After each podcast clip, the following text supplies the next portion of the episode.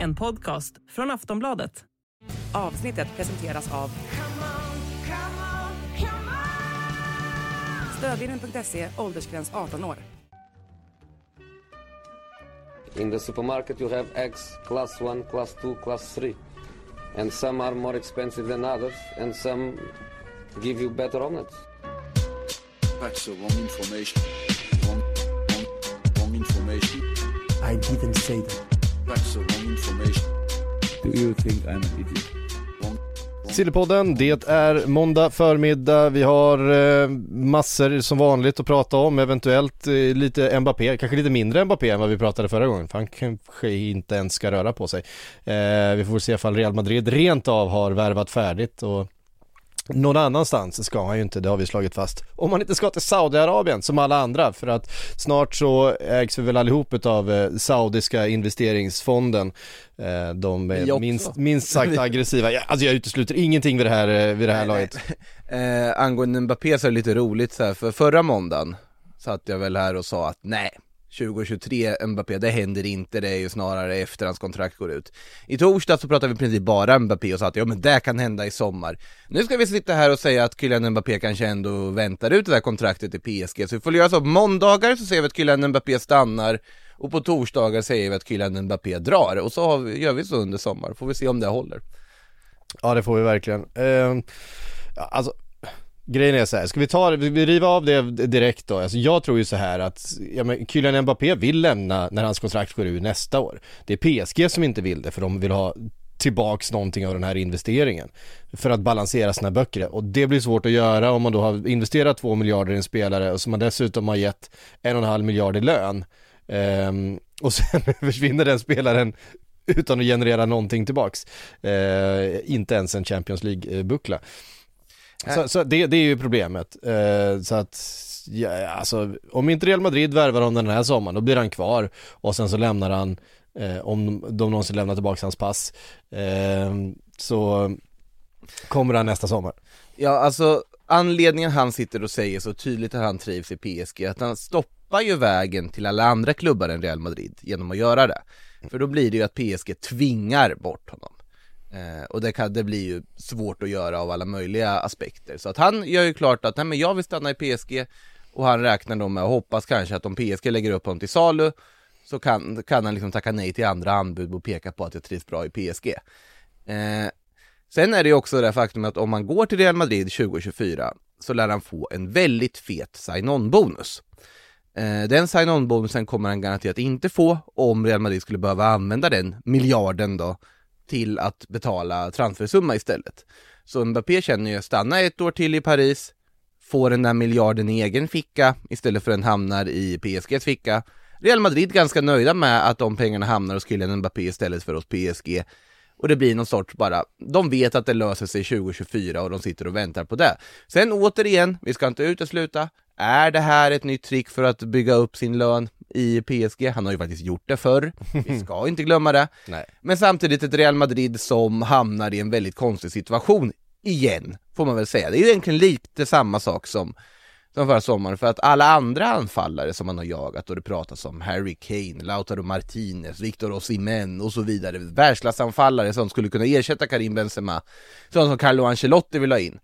Alla de jakterna har ju liksom satt stopp på. De är i någon sorts limbo, det är inte aktuellt just nu för att de stirrar sig blinda på Mbappé igen. Och det har ju kommit uppgifter som Ancelotti är rasande på att man fastnar i samma Mbappé-träsk ännu en sommar och att man då inte investerar i, i det som behövs.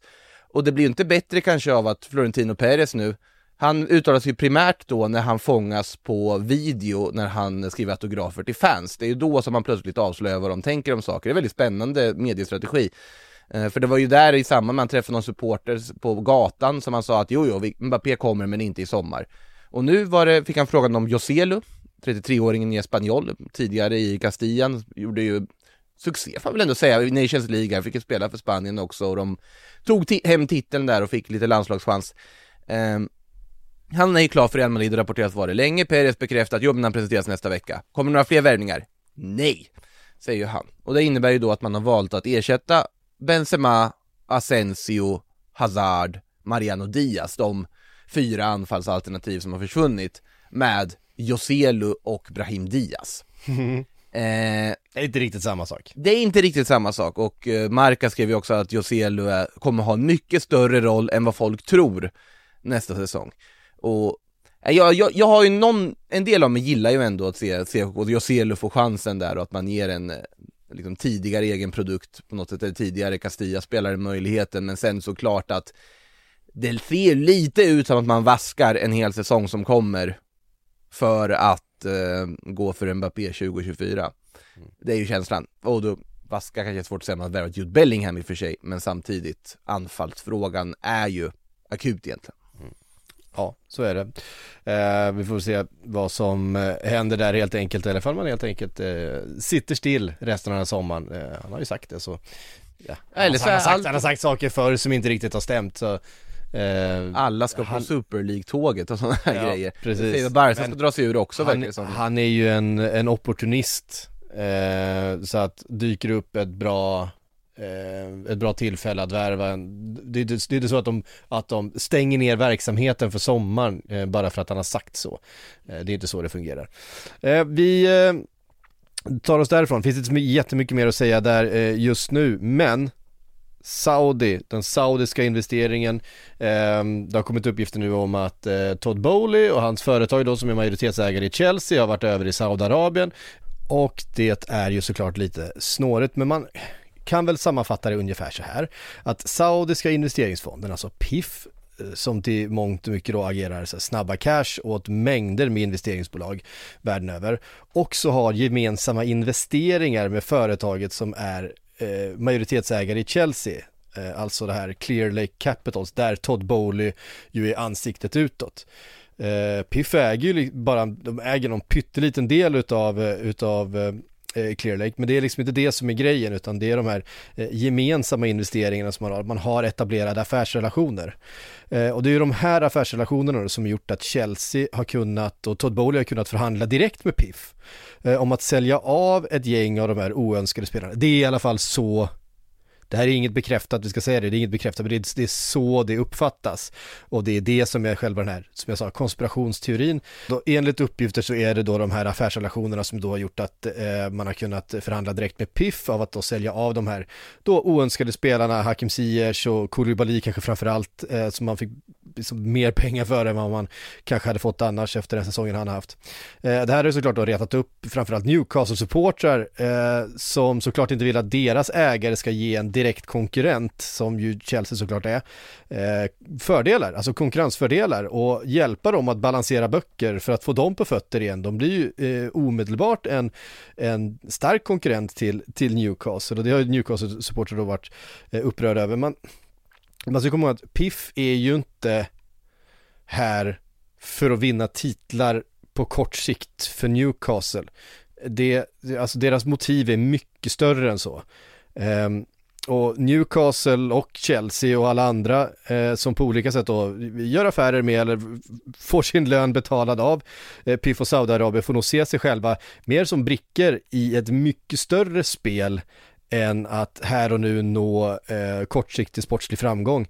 Även om det såklart inte är dåligt. Jag menar Newcastle och deras sportsliga ledning är det de jobbar med, men vi pratar en, en våning upp här.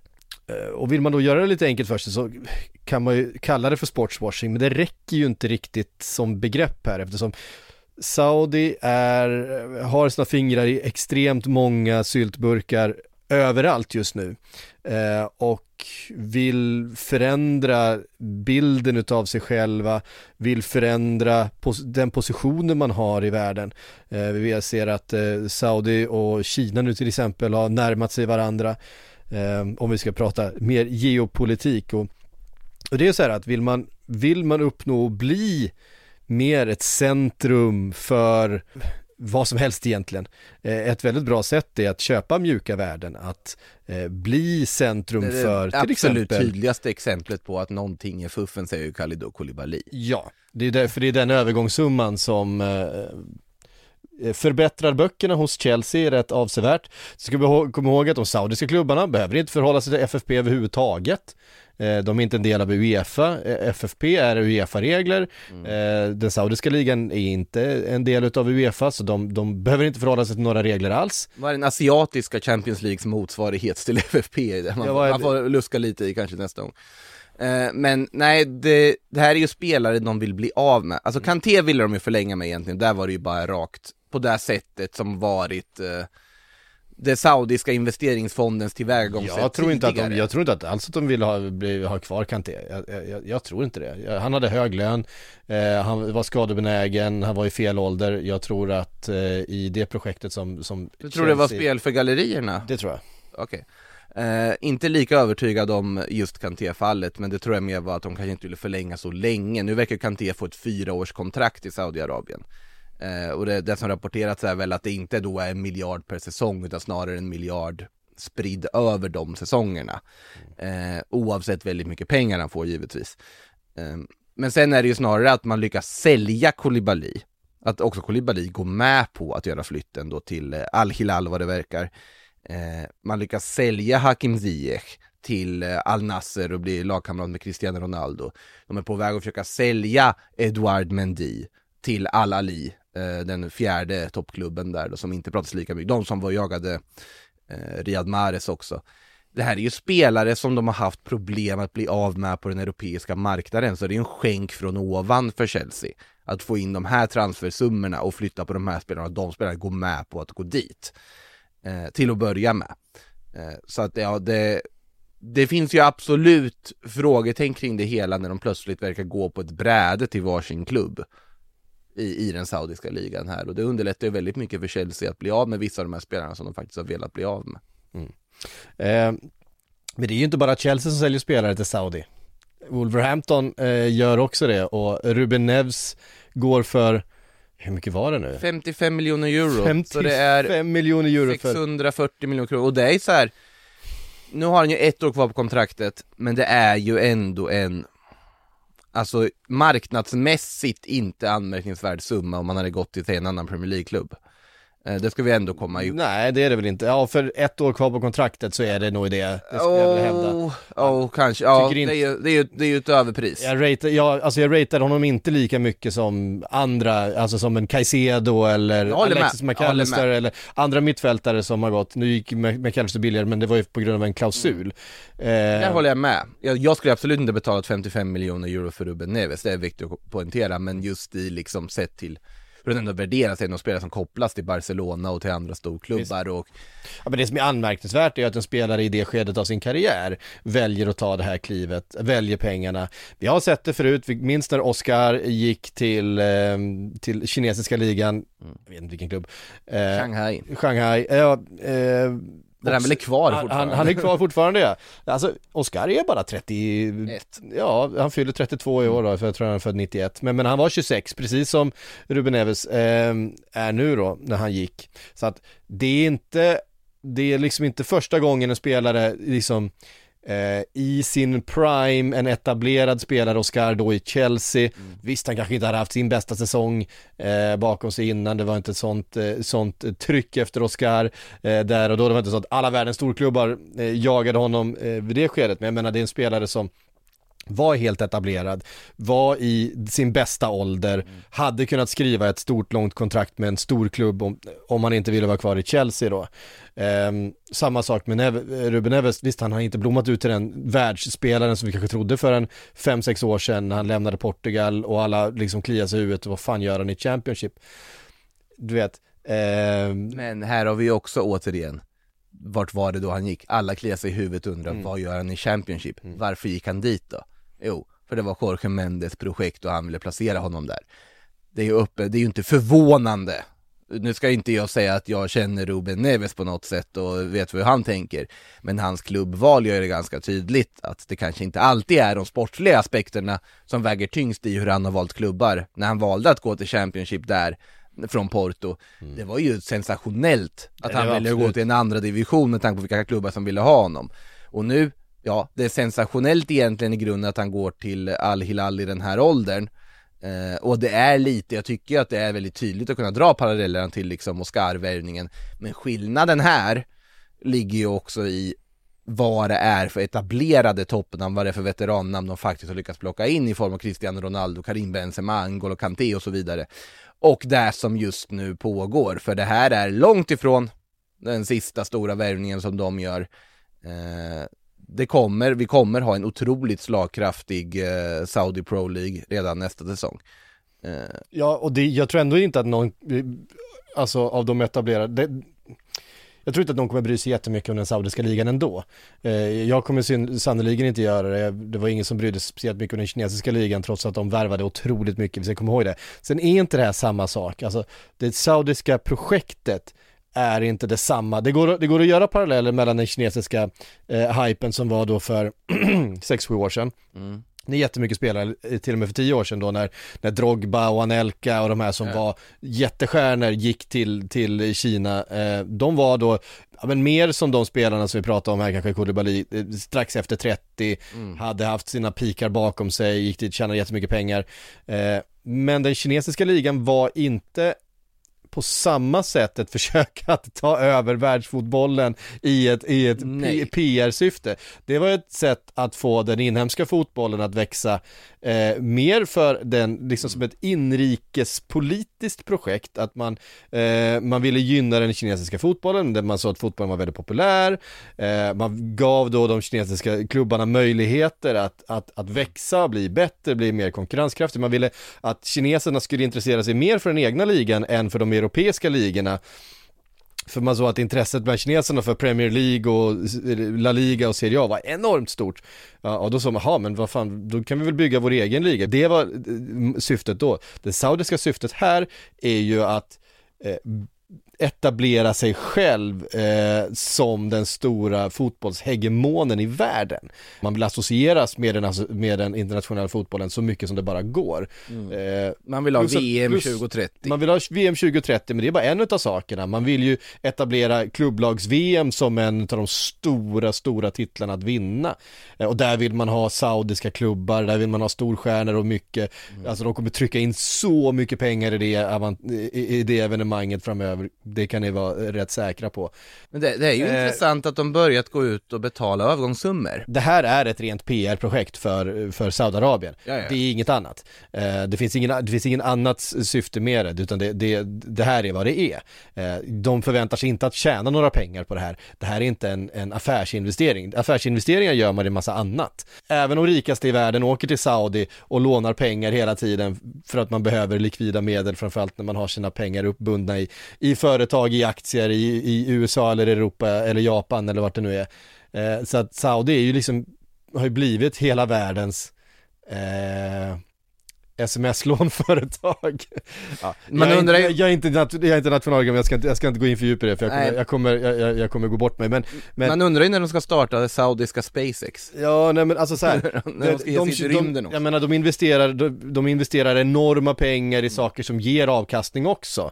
Eh, den, den här investeringsfonden. Så är det, det är, allting är, så att de tjänar ju otroligt mycket pengar på sin stora, på sin stora rikedom, alltså pengarna tjänar pengar åt dem. Mm. Det här är inte en del utav det, utan det här är en ren PR eh, verksamhet. Det, det, här är, det här är ju inte ett land som behöver bygga upp sin fotboll, det här, alltså, alltså i Saudiarabien har man märkt det liksom de bryr sig redan om sin liga, de bryr sig redan om sin fotboll. Så att det, det inte, finns inte någon sån aspekt i det heller, utan här vill man ju bara bli en maktfaktor att räkna med på den internationella fotbollsscenen, vilket man Ja. ändå får anse att de är nu. Ja, men jag tror att de såg vad Qatar gjorde och såg att Qatar, som ju skaffade sig enormt mycket makt över den europeiska fotbollen på ganska kort tid, eh, genom PSG, genom sitt inflytande i, i, Uefa, ehm, Men vi har ju jättemycket mer pengar än vad de har. Ja, och, och Saudi har ju enormt mycket mer pengar än vad, vad Qatar har, ett mycket större land och eh, dessutom eh, ett land och en regim som har befunnit sig i en Ja, alltså det är, det är lite svagt att kalla det för en konkurrenssituation med Qatar eftersom det har varit eh, rätt fientligt däremellan, även om man nu på vissa sätt har grävt ner en del stridsyxor så finns det ju ofta, fortfarande en konflikt där. Vi kommer ihåg hela, hela den här eh, Beansports eh, piratsändningsproblematiken eh, som fanns för några år sedan. Eh, som är en del av det. Nu har ju Saudi insett att det går ju att med hjälp av pengar ta makten över världens största kulturella fenomen som är den, den europeiska toppfotbollen. Eh, och det är det man håller på att göra och det är det som är, det är, det som är målet, att associeras med den, att eh, få inflytande över den, styra så mycket av det till eh, sig själva som det bara går, inte för att tjäna pengar, men att för att få inflytande och att få synas och vara en del och vara en, eh, använda den globala fotbollen som en reklamplats helt enkelt för sig själv. Ehm, och det tror jag man kommer lyckas med, därför att fotbollen har ju byggts upp på det sättet att den styrs av pengar och Saudi har mest pengar. Eh, I alla fall mest pengar beredda att, att eh, skyffla in i ett sånt här projekt. Och ju fler spelare som går dit, desto lättare är det för nästa spelare som eh, uppvaktats att, ja men jag ger det väl en chans också. Så är det ju också. Ja, ja, men man flyttar, varje- man flyttar fram gränserna hela tiden, man, man flyttar fram sina positioner hela tiden. Det kommer inte vara det kommer inte vara kontroversiellt att spela i ett saudiskt lag om eh, två år. Det är fortfarande det. Nu har ju vi fortfarande på ögonen och tycker att det är liksom eh, lite smutsigt. Det kommer vi inte tycka. Det, därför att man förändrar. Jag känner redan i mig själv hur jag har förändrat min inställning oavsett att jag försöker vara rationell, oavsett att jag försöker, men, men man gör det. Därför att man blir avtrubbad, man blir lite nerfilad i sina kanter hela tiden för varje sak som händer. Ruben Neves öppnade dörren för etablerade spelare att gå till andra ligor. Nu öppnar han dörren för att yngre spelare att gå till Saudiarabien. Eh, vägvisaren Ruben Neves, om man ska dra en väldigt positiv eh, överdrift på. Nej, men eh, ja, det är väl bara att vänta och se hur många som spelar där när det här fönstret är stängt. Det är väl den känslan man har just nu. Ja. Halva Chelsea, om det är några fler då. Lukaku ska väl ha sagt nej. Mm. Eh, för han är väldigt bestämd att han vill spela för Inter fortfarande. Vi får se om de löser det, men han ska väl ha sagt nej till att flytta dit i alla fall. Eh, men jag är förvånad faktiskt över hur många som ändå bara hoppar på tåget. Men de måste väl fatta att det är svårt att flytta någon annanstans. Det är sådana spelare de har gått på också. De kanske inte haft så mycket andra anbud i europeiska toppklubbar som inte heller kan betala. Och ja, det är en intressant situation, onekligen. Ja, eh, men absolut. Ehm, och jag vill få se vart det landar, men jag menar om eh, det klubbar i behov av pengar som inte vill eh, förstärka en konkurrent och spelare som är, eh, inte tackar nej till en dubblad lön mot vad de har haft i Premier League. Eh, ja, då kommer det vara ganska lätt att göra affärer med Saudi. Eh, Jag, jag tycker på något sätt, det här blir ju också väldigt svårt för många kan ju alltså peka på att ja, du följer bara pengarna, men det är ju väldigt få de flesta andra yrken så skulle man ju säga att ja men såklart att du tackar ja till dubbel lön. Mm. Så jag tycker också det är svårt att lägga för mycket, alltså, kräva moraliskt ansvar av vissa spelare heller, det är väldigt lätt att sitta här och göra. Men det är inte, när du väl får en dubbel lön på bordet, liksom miljardlön, det tror jag att det är väldigt svårt för många spelare att tacka nej till det. Ehm, ja, men absolut. Så, ehm, Sen absolut givetvis vad du har för grund att du klarar dig ändå med den lön du får i Premier League givetvis som mår eh, kalasbra med den, men likväl. Nej men vad fan, om, om jag vet inte vad, vilken sportkanalen eh, på saudisk tv hör av sig och säger hej du får två miljoner om året för att göra tv en gång i veckan och prata fotboll. Du behöver inte göra någonting annat än vad du gör just nu. Du bara sänds på den här kanalen. Eh, du får själv välja vart du, ja men du vet så här, det är ju den typen av deals som dyker upp här. Ja, du måste flytta till Saudiarabien. I de här fallen så är det ju, det är inte så jävla långt till Saudiarabien heller. Det är ju rätt nära till Europa, eh, rent geografiskt. Det går, det, man flyger dit på några timmar. Mm. Ehm, och ehm, jag menar, allting är krattat för dig. Jag menar, du såg när ryska ligan hade sina eh, mest eh, expansiva dagar eh, långt från där vi är idag. Men jag menar när Eto'o drog till eh, Anchi till exempel, då var ju liksom geografin ett problem, för vissa av de här klubbarna hade ganska mycket pengar men låg liksom eh, i Irkutsk, eh, alltså långt bort i Sibirien. Och det var liksom långa bortaresor, de, fick, de bodde i Moskva men skulle spela sina, sina matcher i Dagestan eh, och sådär, alltså här är, har du inte det problemet. Eh, här har du dessutom en etablerad liga där, jag menar du har eh, allting på plats för dig. Sen förstår man helt de som väljer att likställa flytta till Saudiarabien med att typ flytta till Ryssland med tanke på vad Saudiarabien gör Ja, och vad som absolut. pågår och Självklart. det är bara sorgligt att konstatera att, att liksom att det görs som skillnad. Men det sagt, Viktor poängterade helt rätt att fördöma de som här, hockeyspelarna som åker till KHL och spelar, spelar sin hockey där. Ja, det ja. finns liksom inget försvarbart i det. Eh, men eh, Nej men Ja. ja, ja Saudiarabien är ju ett land som inte har en syn på mänskliga rättigheter eh, som eh, åtminstone jag eh, liksom delar och, och har därför väldigt svårt att förlika mig med, med eh, det landet och, och att eh, befinna sig i någon slags eh, service för det landets offentliga anseende eh, skulle jag Alltså det, det, det, det är ju extremt svårsmält liksom. Eh, det är ju bara så. det finns ju också ett land som heter Jemen. Ja. Och det är det man Verkligen. måste komma ihåg i alltihopa också, så det blir ju en Men ja, det finns mycket att säga om den eh, liksom tillvaro vi har nu i hur fotbollskartan ritas om på så vis. Eh, ja, det är om det. Vi har pratat mycket om Saudi innan och, och sportswashing och det finns de som har sagt det mycket bättre än vad vi gjorde här idag. Eh, det finns jättemycket att läsa. Jag tycker eh, eh, Vi kommer nog norska, prata mer norska om det. Mm. Josimar är ju en redaktion som har gjort extremt mycket bra Mm. eh, i den här frågan. Om man vill fördjupa sig så eh, kan jag verkligen rekommendera deras, deras texter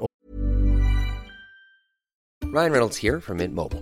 With the price of just about everything going up during inflation, we thought we'd bring our prices down. So to help us, we brought in a reverse auctioneer, which is apparently a thing. Mint Mobile unlimited premium wireless. Ready to get 30, 30, bit to get 30, bit to get 20, 20, 20, bit to get 20, 20, bit to get 15, 15, 15, 15 just 15 bucks a month. So, Give it a try at mintmobile.com slash switch. $45 upfront for three months plus taxes and fees. Promo rate for new customers for limited time. Unlimited more than 40 gigabytes per month. Slows. Full terms at mintmobile.com. och eh, reportage eh, och så vidare eh, som de har gjort i frågan. Vi kommer ju prata mer om det här. under- Hela sommaren kommer vi prata om det här, eh, därför att det kommer fortsätta. Ehm, från Saudi och Qatar är ju inte steget långt till PSG och de är på jakt efter en ny tränare. Det blev inte Nagelsmann.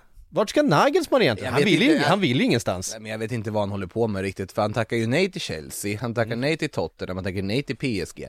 Det måste ju vara att han åker till de här klubbarna och tittar, men vad är det som pågår här på alla de här ställena? Alltså, Det är bara totalt kaos. Varför skulle jag vilja träna här? Det måste ju vara något sånt att han har sett att det här finns ju ingen organisation och tanke överhuvudtaget bakom det som pågår på de här ställena. Nej. Att han därför på något sätt tackar nej. Eh, Men sen är ju frågan, och då har han en ganska hög kravbild om vad det är för klubb han ska komma till med ordning och reda, Ja, gissar jag på. Men det är också så här, vad är det, så ska han till Juventus? Det är inte mer ordning och reda. det är liksom... eh, Juventus har inte råd att ta in honom Nej, nej, de- börja med, det är ju där problematiken ligger Nej jag vet inte riktigt vad eh, karln ska hitta på vad, vad, är, vad är, ska han sitta och ta ett eh, sabbat och rulla tummarna och hoppas att han får Real Madrid-jobbet 2024? Men jag vet inte om han faktiskt kommer vara första valet då. Vi har an- det finns andra kandidater i form av liksom så här Raul och Xabi Alonso och så vidare som säkert skulle, Zidane har väl säkert inte hittat nytt jobb. Han har inte fått franska landslaget än, ändå heller säkert. Eh, nej, det är väl det är lite oklart vad eh, den gode Julian ska hitta på. Eh, PSG trodde jag faktiskt ändå var stort nog för att locka, men eh, det gjorde det inte för, eh, för Nagelsmann uppenbarligen, för det verkar som att det har eh, kollapsat helt. Ja, nej, eh, nej men Nagelsmann kanske bara helt enkelt eh, tar det lite lugnt. Han är inte lastgammal på något sätt. Eh, han har eh, många år kvar att träna. Han, just nu så är det ju rätt stökigt i många av de här klubbarna och eh, han kanske inväntar ett Manchester City efter att Pep är klar där, ett, eh, ett, Liverpool. Ett, ett Liverpool eh, när Klopp är klar där. Eh, vad vet jag, Barcelona när det dyker upp. Eh, Det kan ju gå, det är inte heller mest stabila tillvaron kanske, men, Nej eh, men Barcelona är Barcelona, så att det, det tror jag ändå att det finns ju. Jag, jag av liksom eh, fasta övertygelsen att eh, det finns två klubbar i världen som kan locka de allra bästa eh, Såklart inom vissa gränser Oavsett hur illa ställt det är i, bakom kulisserna och hur stökigt det är Och vad de har gjort för resultat året innan Så är det Real Madrid och Barcelona, de två klubbarna kommer alltid ha en sån Attraktionskraft att eh, de bästa kommer vilja spela där oavsett det, det, det, de har byggt upp något sånt genom väldigt många år som eh, du inte kan köpa med bara pengar skulle jag säga. så är det nog. Luis Enrique då? Är han näst på tur? Han, ska, han verkar tacka ja till allt men aldrig få jobben. Det är det som han, Till skillnad från Nagelsmann. Ja, ja men eh, faktiskt, eh, nu verkar det i och för sig som att Napoli, det var det också snack om Luis Enrique och de ska väl gå för Rudi Garcia istället. Jag vet inte vad som hände där i rekryteringsprocessen, det måste jag ju säga. Eh, otroligt skeptisk till eh, vad, vad som försiggår där. Men det är något helt annat, de måste väl i och för sig lyckas implodera så mycket som möjligt efter att det har gått så bra som det kunde göra under förra säsongen. Eh, Nej men eh, Luis Enrique till PSG såklart, det hade varit jättespännande. Jag håller ju Luis Enrique väldigt högt som tränare. Jag tycker, alltså Absolut, man kan ifrågasätta väldigt mycket av vad han eh, sysslade med när han tog ut sina trupper till landslaget. Det har jag gjort i den här studion några gånger också. Men det är ju en väldigt spännande, intressant tränare och karaktär. Sen om det är rätt för PSG, det ska låtas vara osagt och vad han får att arbeta med för material. Men eh, ja, Lucho i PSG, med tanke på vilka de har gått igenom där så um, låter väl det ganska rimligt om de skulle gå för det. Uh, ja, precis. Um, Sen är ju José Mourinho det som hade varit intressantast. Jag tycker att det är, jag menar, alltså, jag har, och jag har sagt det förut att det är, vill de vinna Champions League, alltså med den typen av klubb som de är, så jag tycker det är mindre så nu, när, eh, jag menar Messi har lämnat, eh, Neymar kanske lämnar, Mbappé på väg ut, man, bör, man, man börjar jobba lite an, annorlunda i PSG, man har tagit in ett ganska ungt mittfält som man har investerat en del i, som man ska liksom spela ihop, eh, Verratti får vi väl se vad som händer med. Mm. Um, och så vidare, nu får man visserligen in lite rutin i, i skrinjar och sådär men um, Skriniar, Marquinhos är inget dåligt mittbackspar. Nej det är det verkligen inte, det är det, är det verkligen inte. Men det finns ju bra Man har en spelare. bra målvakt, man har Ja, han vill väl i och för sig bort också har det varit snack om att Donnarumma vill lämna, Hakimi vill ju också lämna. Eh, så det är ju mycket, Ja, men det, det är stökigt i, i, i PSG och ehm, jag tror inte att Mourinho är rätt person att komma in i ett sånt läge. Däremot för en säsong sen eller två där det var ett lag som bara satsade, vi köper de största stjärnorna och sen ska vi bara ha den här jävla titeln. Det är då man ska ha Mourinho. Därför att han kan piska de här stjärnorna in i, i, i, en, i en mall, i en form, att spela åt samma håll, att titta åt samma håll. Det är det han är, det är, det han är bra på. Eh, för det har han gjort så många gånger. Eh, och det är då han är som effektivast. Eh, i det här skedet så skulle jag, eh, tror jag att det finns bättre alternativ. Kanske Luis Enrique, jag vet inte.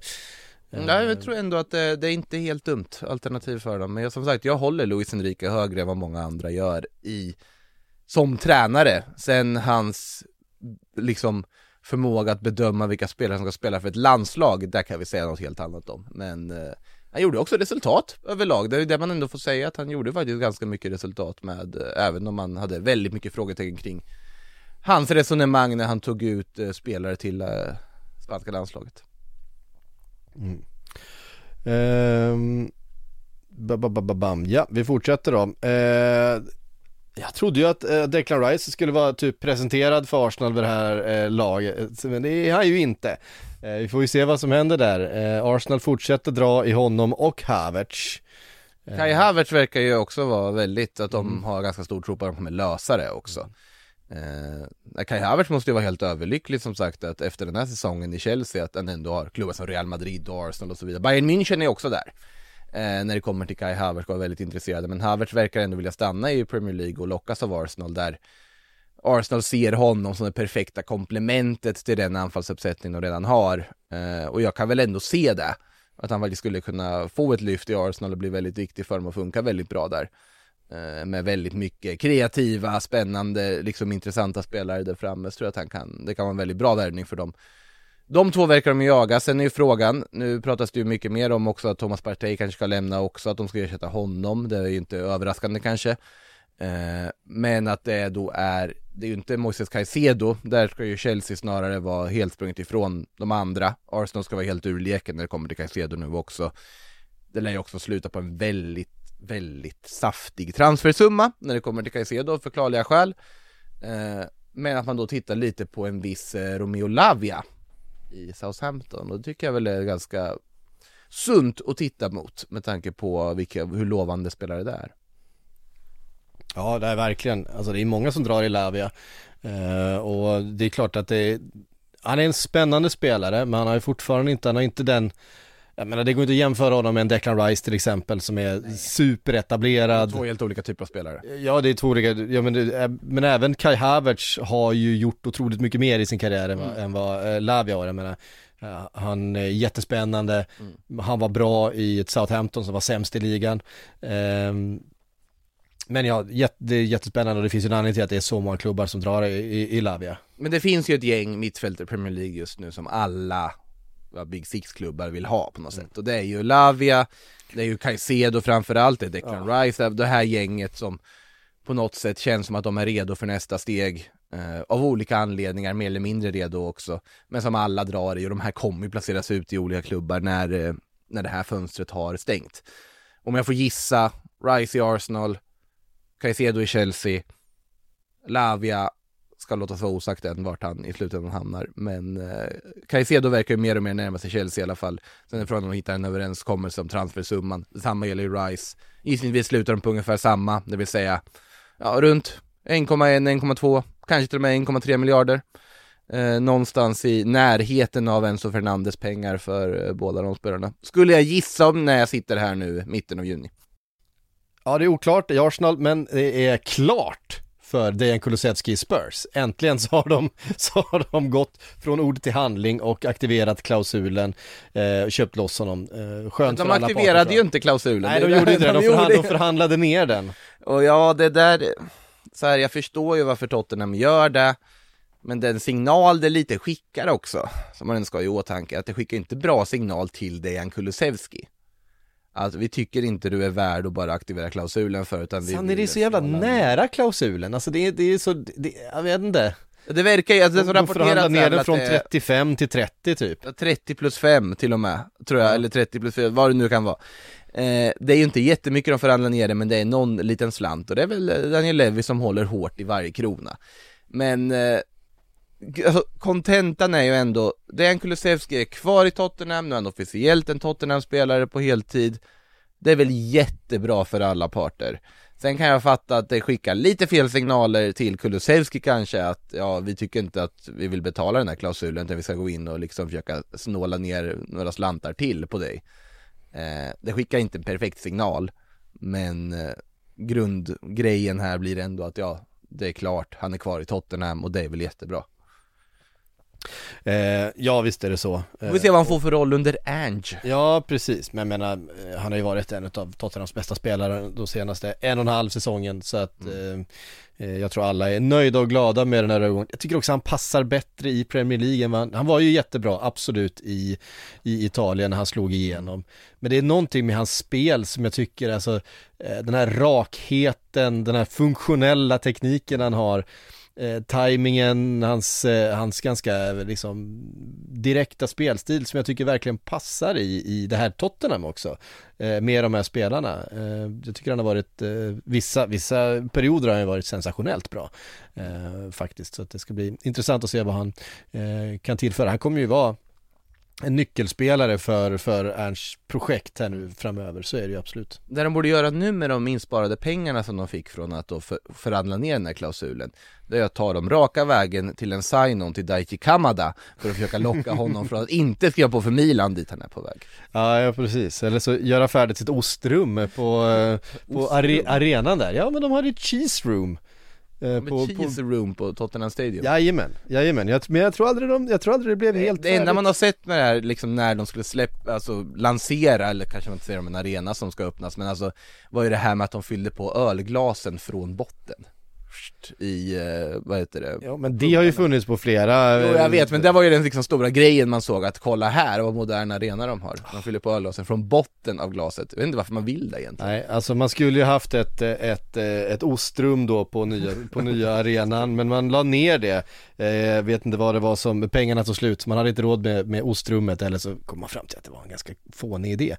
Frå- frågan De som är- vet mer, det finns då, finns ju en, en The Tottenham Hotspur Cheese Room podcast på, på, på YouTube På, som på tal om en maträtt som görs med ost serveras det lasagne där också. Ja, nej men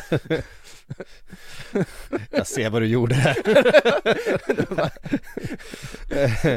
Eh, nej men eh, vi kan väl, jag, jag tror att ehm, eh, Ledley Kings knä, eh, podcasten, de har nog alla detaljer på ostrummet. Jag minns inte alls eh, alla turer där, men det blev inget ostrum till slut. Nu kanske man har råd att färdigställa sitt ostrum eh, genom att förhandla ner eh, Dejan Kulusevskis övergång med några miljoner. Gör man rätt i sådana fall, alla borde ha ett ostrum. Verkligen. Kim Min Jae har vi pratat en del om. Först var det Manchester United, sen var det Newcastle och nu verkar det som att det är Bayern som eh, ligger närmast till hands för den eh, store koreanen. Ja, och det är väl bra. Eh, han verkar Ja, ja. väldigt lockad av Bayern München i alla fall. Jag tror Bayern är ett jävla kanonställe att spela fotboll på. Alltså, ja, fast förra säsongen. Nej men Det jag vet- visst, jag vet det inte om jag ju- håller ju- helt Det med. finns ju bättre och sämre eh, säsonger och så vidare. Man vinner ju ligan till slut. Ehm, Fast i och för sig, det är- om det är någonting FC Bayern är så är det ju en klubb där spelarna har makten före ledningen. Så att om du vill ha liksom makt som spelare och någonting att säga till om. Men då måste du göra några år. Då måste du Oliver göra dina manuell... tycker att manuell Bayern München är kanon just nu. Nej, han, han tycker nog ingenting, han är ju inte ens där någon mer, han fick ju inte med på guldfirandet jag menar det. Och uh, Brasso också som, som rök där på inneplan, Nej, det är det är totalt FC Hollywood av alltihopa där just nu. Men nu är det ju så att nu har man ju ändå fått en möjlighet att också lite så här skänk från ovan. Uh, Lucas Hernandez har ju varit väldigt skadebenägen och missat uh, största delen av säsongen när han också ja, skadade sig under VM. Eh, är ju en väldigt duktig försvarare i grunden också, men han vill bort och PSG verkar vara redo att betala ganska bra summa för att värva honom, vilket man kan säga man vill om med tanke på skadehistoriken. Men Bayern vill ju återinvestera de pengarna, vill hitta en ny mittback och i och med att Lucas Hernandez försvinner, i och med att Benjamin Pavard också antagligen försvinner, så vill de värva Kim Min-Jae. Och eh, det tidigare funnits uppgifter kring Kim Min-Jaes påstådda klausul som aktiveras under bara några veckor i sommar. Den ska tydligen vara så att den är lite högre för klubbar med lite mer omsättning, sägs det. Så att Bayern får ju betala lite större slant. Men det är fortfarande en slant värd att betala för en sån pass skicklig, duktig mittback som Kim Min-Jae. Och ett mittlås med Matthijs de Ligt och Kim Min-Jae, det är ett mittlås jag inte skulle vilja möta i alla fall. Uh, jag tycker det känns som en jättebra lösning och Kim Min-Jae själv verkar ju också vara intresserad av eh, flytten till Bayern och det kan man förstå. Och den verkar ju ändå, det är nyckelvecka som väntar i eh, den förhandlingen. Tydligen rapporteras det. Så vi får väl se om han hamnar där eller om eh, någon annan klubb eh, ger sig in i leken. Men det verkar som att Kim Min-Jae är på väg bort från Napoli i alla fall, så Ja, mycket. Absolut. Eh, ingen Kim Min-Jae i Manchester United och kanske inte någon de Gea nästa säsong heller. Vi får väl se vad som, eh, vad som är på gång där. Vi vet ju att det inte är eh, Ten Hags idealmålvakt. Nej, Rent spelstilsmässigt. Sen så är han ju inte den de Gea han var för några säsonger sedan heller, även om han hade, hade en bra säsong den här säsongen ändå tycker jag. Alltså, han var ju inte med då på deras så kallade retained list som kom, för det var ju nu nyligen som alla Premier League-klubbar släppte, de här spelarna får förlängt eller kvar i truppen, det här är trupperna inför försäsongen. Eh, det sker stod ju bara att man är i förhandlingar huruvida han ska vara kvar eller inte, det kom ju uppgifter direkt om att nej han kommer inte stanna och så vidare. Eh, men grunden är ju här att om man ska stanna då måste han gå med på en väldigt rejäl lönesänkning med tanke på att han sitter ju på typ Och antagligen, och, och antagligen ehm, var okej med att vara andra målvakt. Ja, eller åtminstone inte uttalad första målvakt. Eh, men framförallt så måste han ju gå ner i lön, för han är ju en av de bäst betalda målvakterna i världen, om inte den bäst Jag tror att han är den bäst Ja, betalda han har ju väl Erling. Haaland-lön. Eh, och Jag tror att han är tillsammans Han var med skrev på Hall, kontrakt eller fall. det är De Bruyne som är eh, Premier Leagues bäst betalda spelare. Eh, men han är där uppe bland de absolut det, bäst han, har ett, han har ett fruktansvärt bra kontrakt i, i Manchester United och det, de vill ju halvera, liksom ännu mer kanske sänka den lönen.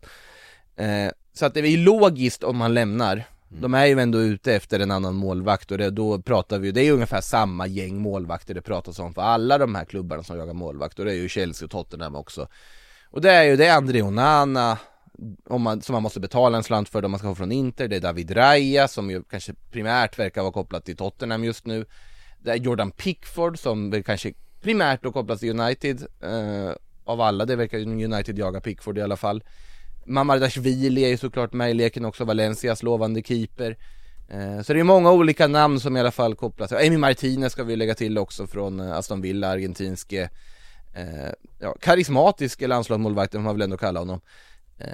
Speciell karaktär. minst sagt. Men alla de här är ju liksom, det är duktiga burväktare som sannolikt hade kunnat göra det bra i United. Någon borde väl dyka upp i slutändan. Mm ja, absolut. Det, Om det så blir- är ett komplement till de Gea eller en ersättare till de Gea. Ja, men min känsla, min känsla är ändå att om Manchester United ska göra den här pushen uppåt Mm. eh, mot att utmana City om, om, eh, om ligatiteln, vilket måste vara på något sätt åtminstone ambitionen över de två närmsta säsongerna. Eh, man kanske inte gör det den här säsongen men om två säsonger så ska man i alla fall vara där och, och, och utmana. Då tror jag att man behöver en målvakt som är mer anpassad för Ten Hags fotboll. Eh, man behöver en sweeper eh, och man behöver nog en målvakt som är bättre än, än de Gea. Onana hade ju varit I- perfekt. I, ja, Onana hade varit jättebra. Mm. Ehm, Och det säger jag inte bara för att han spelat i Ajax en gång i tiden, utan för att han faktiskt är en fruktansvärt bra målvakt. Ja, nej men så är det ju.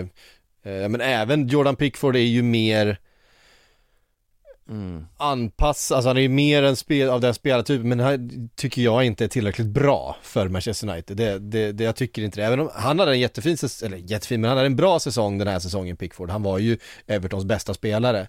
Eh, det får det- man nog hävda. Men jag, jag tycker alltså, vi pratar om Manchester United, vi pratar om att vinna ligan, vi pratar om att man ska ha en av världens fem, sex, sju bästa målvakter i sitt lag. Det måste vara där ambitionen ska vara. Eh, och um, kanske är André Onana det, eh, eller så får man titta på någon av de andra. Jag pratade om Mike Magnan också, men han verkar inte vara aktuell att värva från Milan. Det hade ju varit en fantastisk värvning. Många skulle Verkligen. anse att han är världens bästa målvakt nu till och med, så pass bra han varit. Eh, men det är också, det är lätt att titta så här på City, de har Ederson, vad är hans främsta styrka? Fötterna. Ja. Liverpool och Alisson, vad är en av hans främsta styrkor? Fötterna. Ja. Och det här var inte målvakter som på något sätt var ansedda som några av världens bästa när de värvades. Men som var helt perfekta för en toppklubb, helt perfekta för den roll de ska ha i sina klubbar och blivit nyckelspelare. Jag pratar ju aldrig om målvaktspositionerna för de där två är så otroligt säkra och trygga och jag håller dem väldigt högt båda två så att United måste hitta sin Ederson eller sin Allison Jag säger inte nödvändigtvis att det ska vara en brasse att de ska värva Weverton nu utan det menar snarare att Nej. de är, någon som är bra med fötterna, jag tror André Onana kan vara den, om de får välja bland alla de som vi pratat om Ehm, ja, och kanske, men eller så är det så att man får bara betala det som det krävs för att få loss en Mike Magnan. Ja eller Onana som måste Eh, betala för det också Eller, eller Onana om, eh, om eh, det så, ja, jag tror, jag tror det kommer behövas om man ska göra den satsningen. Alla de här vi pratar om behöver man ju betala för Det är, dy, det är dyra, det är Ja. dyra spelare med långa kontrakt, så är det ju. Eh, definitivt. En spelare som kanske kan vara eh, nära Chelsea nu då, eh, Nicholas Jackson. But, ja, du, jag, vi, har se, vi, har, vi, har, pratat lite om honom tidigare. Eh, känns han Chelsea-redo? Nej Alltså, jag säger bara rakt ut nej, jag, tycker jag tycker att Absolut, såklart, det är en, det är en jättelovande forward, han gjorde ändå nio mål på åtta matcher under slutet av La Liga, men han gjorde också totalt 12 under hela säsongen det, det är inte så mycket, alltså ge Brocha chansen då Ge Fofana chansen då om, om Chelsea ska värva en central forward, ska det vara en etablerad stjärna, då ska det vara Nu vet jag att, nu har ju Dusan Vlahovic hade ju ingen höjdarsäsong heller, men är ju klart mer etablerad, klart mer beprövad Eh, det hade ju varit ett alternativ. Victor Osimhen, betala pengarna för honom då, om de ändå ska lyckas eh, generera massa pengar från att sälja spelare till Saudiarabien. Kanske man har råd att faktiskt betala för Victor Osimhen som hade varit helt perfekt. Eh, eller gå på att liksom, säg nej Kai Havertz, du stannar här. Vi satsar på dig och Nkunku. Jag tycker inte riktigt att att fynda Nicholas Jackson är inte vad Chelsea behöver just nu. Eh, sen kan jag mycket väl få otroligt fel och han gör supersuccé i Chelsea, det skulle inte förvåna mig. Eh, men jag tycker utifrån när man har sett av dem i La Liga och så vidare att nej, jag tycker, jag förstår inte riktigt vad det är som pågår här. Varför Chelsea, det beror på vad de ska ha för ambitioner. Om Chelsea har ambitioner att ja, nästa säsong då ska vi banne mig bli eh, övre halvan. Absolut, kör då. Men Chelseas ambitioner ska vara att ta topp fyra minst. Och då, då tycker inte jag att eh, Jackson är en värvning som signalerar det till fansen. Eller till någon egentligen. Absolut som sagt, han är bara 21 år, han är lovande, men du har redan lovande forward. Du har redan lovande forward, du har det i truppen. Så jag ser inte riktigt, jag ser snarare, det här är en sån spelare som jag skulle tänka sig gå till typ Villa, Wolves, Brighton, eh, det här skrået av klubbar i dignitet och storlek, West Ham. Jag tycker inte det är en värvning för Chelsea, framförallt inte om det är tänkt att han ska vara en första forward och ösa in mål, då satsa på Lukaku i sånt fall Ja. Nej men faktiskt Nej, men Lu- nej, Lukaku ska man inte. Allt är bättre än Lukaku i Chelsea. Det är min eh, bestämda Jag kommer uppfattning. alltid hålla Lukaku högt fast göra det Inte i Chelsea. Inte i Chelsea. Det, Jag vill bara se honom lyckas det funkar inte där. gång. Det kommer inte, det kommer inte gå. Eh, eh, vi hade en grej till när det gällde Bayern som jag eh, glömde bort här i min iver att gå vidare. Kyle Walker. Det är kul Ja, den, det, alltså, det hade ju varit så jävla pepp att plötsligt bara sälja Kyle Walker här och nu och, och göra något helt annat. Alltså det hade ju varit, han är ju fruktansvärt bra eh, försvarare fortfarande. Fattar inte hur han fortfarande kan vara så snabb. Det är det Det är liksom så här. Jag menar, Vinicius undrar, alltså han står ju bara och kliar sig i huvudet i, i, i den här matchen mellan, mellan City och Real. Han, det är ingen som har sprungit fatt mig på hela säsongen, vad är det här? Och det, det påminde om, det påminde om när, när Wolves satte ner eh, Adama Traoré som wingback på Raheem Sterling, när Raheem Sterling var i sin absolut Prime prime och sprang ifrån allt och alla. Och Adama Traoré bara joggade förbi honom. Sen, sen, sen, Och där har vi också en karriär. Där har vi också en karriär, ja, men, men, men Kyle Walker har på något sätt lyckats behålla sin explosivitet och sin extrema snabbhet. Eh, är, det, är det då du ger upp? När eh, Al-Ali presenterar Adama Traoré? då, då checkar du ut och bara vad ger upp, nu, nu, är det, nu är det kört, nu ger jag upp det här då, då släcker jag lyset alltså. Det är Eh, James Milner, ja i alla fall Ja, precis. eh, Nej, eh, vad tänkte, jo just det, Kyle Walker är jättesmart av Bayern Alltså de, de, bör, de vill ha en högerback, Cancelo kommer inte vara kvar Cancelo återvänder till City, det ska vi också komma ihåg Ja. För Bayern kommer inte köpa loss Cancelo i det här läget Sen om City ska sälja vidare Cancelo eller vad de ska göra med honom, det ska väl låtas vara osagt Cancelo själv ska väl inte vara så sugen på City? Eh, från Han ville ju dra i vintras Ja. för att han blir bortroterad och Pep Guardiola bestämde för att sluta spela med renodlade ytterbackar Ja. Och det har ju funkat bra uppenbarligen för de vann trippen Verkligen. Eh, där ska vi för sig säga att det pratas ju väldigt mycket nu om Josko Guardiol till City. Mm. Åh vad perfekt det hade passat. Oj vad perfekt det hade passat för det som Pep vill göra just nu. Ja, och dessutom eftersom eh, John Stones då spelar i den här balansrollen eh, på mittfält, alltså som en falsk mittback. Eh, Ja, det en falsk mittback eller falsk, falsk- mittfältare? falsk mittfältare. Det är Ja. svårt att säga, men han är helt briljant i den rollen. Ja. Ehm, och eh, jag menar, Ruben eh, Diaz är redan där, eh, Guardiol är en, eh, en eh, makalöst bra Men för försvarare. det, det är precis den här typen av backar City borde titta på, som kan spela mittback men också är bekväm i en ytterbacksroll. Eh, alltså Guardiola Varför ska de då sä- sälja Kyle Walker? Men det är också för att han har åldern emot sig. Åldern Alltså, emot sig, han verkar väl själv också vara ändå lockas lite av äventyret av Bayern München och det, det förstår jag honom, jag tror att det skulle passa ganska bra. Bayern är en, det är en smart lösning för dem. Jag är ju lite mer så här. Varför inte Real Madrid den som frågar om Kyle Walker? För det hade också varit en spelare som hade passat ganska bra på kort sikt. För att de behöver en högerback, Carvajal håller inte mer. Eh, är, är jag väl liksom av ganska fast, eh, fast åsikt att eh, så är fallet. Eh, sen är det så här också, ja, Guardiol till City, de vill titta på Pavard pratas det om också lite till City. Det hade också passat ganska bra sett till hur Pep nu för tiden vill spela. Och då kanske han anser att, ja, men Walker om han vill lämna, för det är också det med City, om en spelare vill lämna själv, då står det inte City i vägen för det. nej. Och det kanske är lite så med Kyle Walker här också, att han, han har gjort väldigt mycket för den klubben. Och det är en ganska bra, smart läge efter trippeln, de har gått hela vägen i allting. Att då tacka för sig och, och hyllas som hyllas, som man hyllas bör liksom. Visst. För det han har gjort i klubben. Och jag menar man har ju också eh, plockat in en Akanji som kan spela i stort sett var som helst i, i, i försvarslinjen. Eh, Jag har fortfarande inte hämtat mig från den värvningen för det var verkligen så out of the blue när den kom förra sommaren. Man Genial. förstod ingenting. Genial. Ja, med facit i hand, helt briljant för han, ja, han har varit, gjort precis det han ska. Ja. Exakt det han ska. Verkligen, så är det. Och lite därtill. Eh, vi har fått eh, som vanligt då en massa frågor. Vi ska försöka täcka in några av dem. Det är mycket Saudi i diskussionerna här. Eh, Johan eh, Ekmark undrar varför tar det så lång tid att få en ny ägare till oss? Eh, och med oss menar han då Manchester United. Det är en väldigt legitim fråga för det är nästan lite oroväckande hur mycket det där dröjer för dem och deras eh, liksom sommar som väntar. Det är ju dåligt för Manchester United, eh, men eh, eventuellt bra för Glazers att dra ut på det för att de kan tjäna mer pengar och eh, vi vet ju hur Glazers prioritering ser ut i, i det förhållandet. Det hade varit eh, classic Glazers att ändå till och med när de ska sälja av klubben eh, ställa till det för Ja. klubben. Eh, snika till sig extra pengar och, och eh, göra så att eh, Manchester United inte kan satsa. Noll intresse av att lämna med någon form av gott rykte i klubben liksom.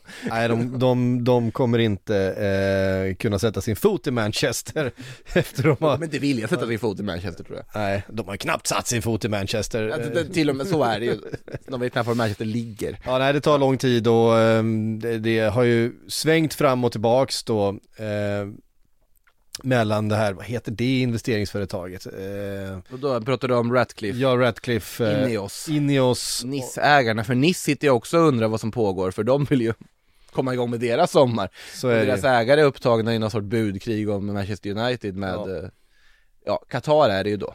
Ja, eh, Qatar är det det rör sig om och nej men det tar väldigt mycket tid och jag vet inte hur många gånger det är så här, nu är det sista budet lagt och nu är det liksom så här och så händer ingenting och sen så här, och så kommer det till bud och sen så, nej, det, det, det, det är omöjligt att Ska vi ta en vända till med den här finländska entreprenören? Nej, men han var väl aldrig, han var, var inte han en posör? Han ska väl ville- in i Italien nu?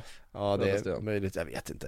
Eh, det kändes aldrig som att det var på riktigt. Tanken var god, men kanske svår att genomföra. Kanske. Ja, nej, jag har inget att tillägga där mer än att vi får väl vänta och se fortsatt. Det verkar inte vara någon som har några klara besked. Eh, ingen i, i klubben verkar ha det heller, så får se. Mafasicev eh, undrar, Veiga och Turam, de två nästa att gå till Liverpool. Ja, för Turam så är det ju då, han spelar ju då i Nice eh, och eh, där verkar det ju vara svårförhandlat just nu, även om det kommer mer och mer eh, Eh, Jag vet inte om du hörde vad Konate sa nu på landslagssamlingen. Han fick ju frågan då, vad tror du om Turam? Ja, jag tror, jag hoppas det. Alltså han verkar ju som att han har hört någonting internt också. Han har väl pratat med Turam, de är ju kompisar. Ja, jag räknar Eh. med att den blir av under sommaren. Eh, och eh, Gabri Veiga pratas det också mer och mer om då från, eh, från Spanien att Liverpool är eh, admirers och så Jo vidare. men det är ju varenda klubb, alltså det är ju här, Chelsea pratar jättemycket om Gabriel Veiga, Newcastle pratar jättemycket om Gabriel Veiga Framförallt är det väl Newcastle som har varit den, den andra intressenten. Ehm, Ja, Chel- Chelsea är också där, ska jag säga, City har du pratat med om eh, Egentligen alla toppklubbar har ju kopplats till Gabriel Veiga för det han har gjort i Celta Vigo den här säsongen och det är ganska rimligt att han kopplas till väldigt bra klubbar. Eh, Jag hade inställningen i den här podden tidigare, försöka prata ner Gabriel Veiga så mycket som möjligt för att man, han skulle få vara kvar där borta i, i Spanien och så vidare. Eh, men eh, nej, han är, han är en fantastisk spelare. Så att det är ju självklart att man ska gå för honom om man får eh, möjlighet skulle jag säga. Sen får man väl hoppas att det inte blir en ny Brian Schill eller en ny Ferran Torres och så vis att de kanske inte blommar ut i Premier League som, som det ändå är många spanjorer som har gått till och inte lyckats göra. Nej, Brian Schill är bästa exemplet kanske. Jesus Navas. Eh, Han var väl i och för sig helt okej ändå eller?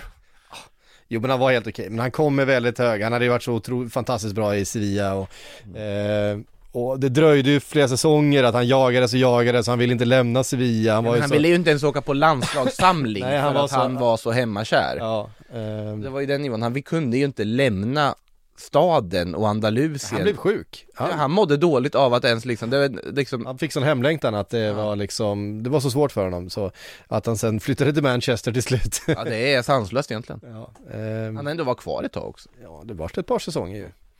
Eh, sen tillbaks till Sevilla. Givetvis, ja, det, det, han hade inte kunnat gå någon annanstans Nej, så får vi se då. Trent Alexander-Arnold på mittfältet nu, jag menar han tog tröja nummer 10 i landslaget och var visserligen mot ett väldigt begränsat eh, motstånd, Malta. Mot, mot Malta, men var bäst på plan, han, han låg bakom allting i stort sett, styrde och ställde centralt på mitten där, gjorde ett fint mål och eh, en fin assist och sådär så ehm, han börjar nog aspirera på den här mittfältspositionen också, då, kanske, då måste Liverpool köpa en ytterback. Eh, Ja du tror att man flyttar upp Trent till mittfältet då? Jag vet Straight inte. Ehm, om det nu ska spelas den här 3 2-2-3 uppställningen, då känns det som att man måste ha i alla fall någon slags backup eh, på högerbacken. Har det inte gått för långt när vi inte har en enda fyra i en formation? Då, då har det väl gått Det är ju en 3-4-3 men med box... Ja, eh, jo men en 3-2-2-3, då har det gått lite för långt. Du, du pratar liksom Alltså det är ju, och det är ju dessutom eh, så här, anfallsuppställningar är ju inte det man pratar om. Pratar man en uppställning så pratar man ju försvarsposition. Ja. Det är ju det, det, är ju det som är frågan. Allt är bara fyra- en lek med siffror för att använda Ja men, förbundskaptensspråk. och, och det är ju sant. Det är ju sant. Jag Ja. menar det handlar ju om vilka roller du har. Jag menar, ehm, men eh, Southgate tror ju uppenbarligen mer på, på eh, Alexander Arnold som en eh, mittfältare än som en ytterback. Och det är klart att hans Eh, hans kvaliteter eh, och hans brister kanske bäst utnyttjas när han kommer centralt in i banan. Han blir inte, han behöver inte jaga i kappen vindsnabb ytter. Eh, han är inte speciellt snabb själv och har aldrig varit eh, speciellt löpstark. Men det är ju passningsfoten och, och, och blicken som man vill utnyttja så mycket som möjligt. Och där spelar ju normalt sett de flesta med de egenskaperna centralt i banan. Jag, jag är lite för egentligen att göra om Alltså jag tycker ju att hela målvakt, försvarare, mittfältare, anfallare är förlegat och att man borde hitta ett nytt sätt att dela upp spelare på. Och då åsyftar jag inte landslagets försvarare, mittfältare slash anfallare som fortfarande kör. Det är inte den jag åsyftar nu. Tobbe Linderoth hamnar tillsammans med Zlatan Ibrahimovic. Det är inte den jag vill ha. Mittfältare slash anfallare har Ja, alltid varit en... Eh, klassisk, klassisk. Eh, Det är inte den, utan jag mer så här, jag vet inte exakt hur den ska se ut med typ defensiv, offensiv, men då har du ju tvåvägsspelarna där någonstans mitt emellan som hamnar i någon sorts egen verksamhet. Men det behövs en reform på det klassiska försvarare, mittfältare, anfallare. Det, det är en sån här käpphäst jag har. Svår genomförd, det sitter ju ändå i liksom ryggraden, just den liksom uppdelningen. Men det är ändå en punkt man har funderat på ibland. Ja, precis. Nej men det, eh, det där mittfältet håller ju på att bli någonting och jag menar, får man loss Kefren Turam som, som vi ändå tror att man kommer göra, de har värvat två bra mittfältare redan. Ehm, vi har ju sett också att, jag menar Curtis Jones är där och knackar på, han vill spela fotboll den här säsongen som, eh, som kommer. Fabinho spelade ändå upp sig en del under eh, andra halvan av eh, säsongen även om han inte hade sin Thiago ska spela om han han är är fortfarande där. Thi- Thiago kommer aldrig vara frisk igen, det är väl mitt eh, Stalltips. Ja, det är väl stalltips. Han, men han gör sina 15 matcher per säsong och då, då, ska ska han såklart spela och stå och sulfinta i en liten triangel med sig själv. Eh, Passa, passa den där tomten som åkte förbi där på reklamskylten, det är det roligaste jag sett fortfarande när han spelade i, i Bayern som passar reklamskylten. Det är något av det roligaste jag sett Eh, ja. men det är klart, men ja, Thiago är ju Thiago liksom, han är ju en eh, märklig fotbollsspelare på många sätt. Eh, Väldigt skicklig fotbollsspelare men då. han är ett geni. Ja. Såg du för övrigt eh, Messi mot eh, Australien här på Sportbladet. Eh, han kan ju fortfarande spela fotboll. Jo, men det, det visste vi väl kanske att han kan Mm. Han gjorde ändå typ 15 plus 15 för PSG förra säsongen, vi ska komma ihåg det Det är viktigt att poängtera att han, han var ju typ PSGs bästa spelare förra säsongen Ja. Han är ju långt ifrån sitt eget bästa, men långt ifrån hans eget bästa är fortfarande en av de bästa i världen. Ja, det, det, är, det är ju lite så Och han kommer göra det jättebra i Inter Miami Ja, det kommer han. Mm. Eh, han har också den där spelstilen som gör att även om han åker dit och du vet, eh, spelar på en skridsko så eh, när han väl, nej, men som vi såg mot Australien här, en jävla träningsmatch mot Australien i Kina. Eh, Den, var givetvis eh, liksom jätteprestigefylld och stor match eftersom att vi Nej men menar, det, det, det, är ändå, det är ändå så när han hamnar i zonen Mm. eh, När man ser att omvärlden liksom bromsas in för honom När vi andra är kvar i normal hastighet Så ser han allting i slow motion eh, jag, Ingen kan övertyga mig om att han inte ser eh, liksom omgivningen i slow motion när han är i den där zonen eh, Då spelar det ingen roll vilka han möter, det tror jag är samma om han spelar eh, med sina barn hemma i trädgården. det, han har den, den förmågan. Ehm, Ska vi se ifall vi kastar in Ska väl lägga till det också att eh, om ni hinner höra det här så innan den är igång så är det faktiskt Indonesien mot Argentina på, på Sportbladet Idag Just det, Mm. ja för fan. In och... eh, På tal om att möta ett ännu sämre motstånd för argentinska landslagets del Mm, verkligen.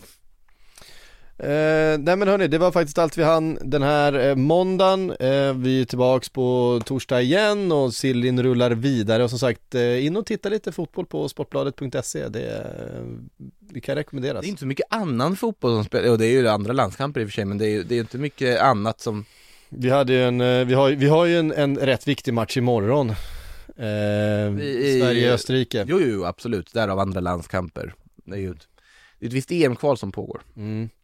Vi har inte sagt något om Norge. Eh, den gyllene generationen. Eh, som nu ligger sist i sin eh, EM-kvalgrupp. Vi, vi shout, out till våra norska lyssnare där ute. Vi, jag ska inte säga att vi lider med er. Det, det, det, När man läste det, vore, det, rubriken, vore, det vore inte men sanningsenligt. när man läste rubriken 'Barnen buade' då, då led man ju lite värre också.